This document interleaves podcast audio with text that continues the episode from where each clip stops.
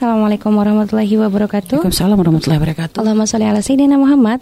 Allahumma sholli ala sayyidina uh, ingin bertanya Umi, kalau istri tertular penyakit menular seksual dari suami Umi, sedangkan suami tidak mengaku dan tidak mau berobat, bolehkah istri menggugat cerai? saya baru menikah tiga bulan dengan suami dan ternyata saya tertular penyakit dari suami. Uh, saya menikah dalam keadaan perawan dan suami duda. Rasanya saya berat menjalani rumah tangga ini ke depannya Umi. Saya merasa tertipu. Baik ya, subhanallah. Kalau memang suami punya penyakit dan yang gara-gara itu dia menularkan penyakitnya tersebut uh-huh. gitu ya.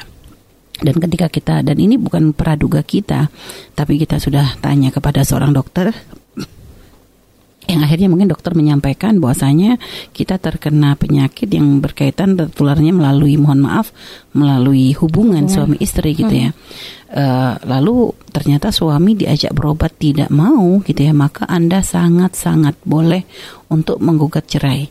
Ya karena memang benar Anda mungkin merasa tertipu dan mungkin juga bukan sebenarnya suami niat menipu. Uh-huh. Mungkin suami sendiri nggak tahu kalau dia sakit kan yeah. gitu. Uh-huh. Jadi suami sendiri nggak menyadari kalau dia sakit karena kata Anda tadi di bawah sakit nggak nggak mau. Mungkin gak juga mau. dia adalah orang yang takut dengan dokter uh-huh. atau mungkin orang yang tidak mau menerima kenyataan sakit kamu dibilang sakit bisa saja atau mungkin ya dia orang yang cuek nggak peduli dengan kesehatan gitu ya.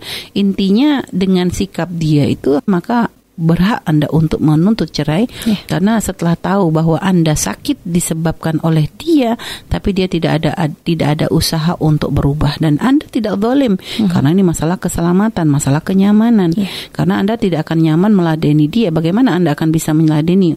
Mohon maaf urusan masalah hubungan khusus antara suami dan istri saat hati Anda merasa tertekan, yeah. gitu ya. Anda merasa ketakutan dengan penyakit yang mungkin diderita nanti nanti kalau terus berhubungan akan semakin parah dan sebagainya, mm-hmm. maka sangat-sangat diperkenankan. Bahkan selagi memang masih proses percaya belum terjadi, Anda menolak dia pun tidak ada masalah. Hmm. Karena memang Anda Anda dikatakan oleh dokter itu hubungan yang karena dari dari apa yang di yang apa gitu penyakit Anda ini hmm. adalah penyakit menular dari suami hmm. Anda melalui hubungan seksual kan begitu. Yeah. Maka Anda sangat sangat sangat boleh untuk menuntut cerai. Hmm. Jadi diperkenankan untuk keselamatan Anda gitu ya. Jadi Islam tidak boleh dan Anda pun ketika menuntut cerai bukan dianggap sebagai wanita yang dolim karena ini adalah hak Anda sebagai seorang istri yeah. untuk mendapatkan keamanan dan kenyamanan dan Anda dilindungi oleh syariat.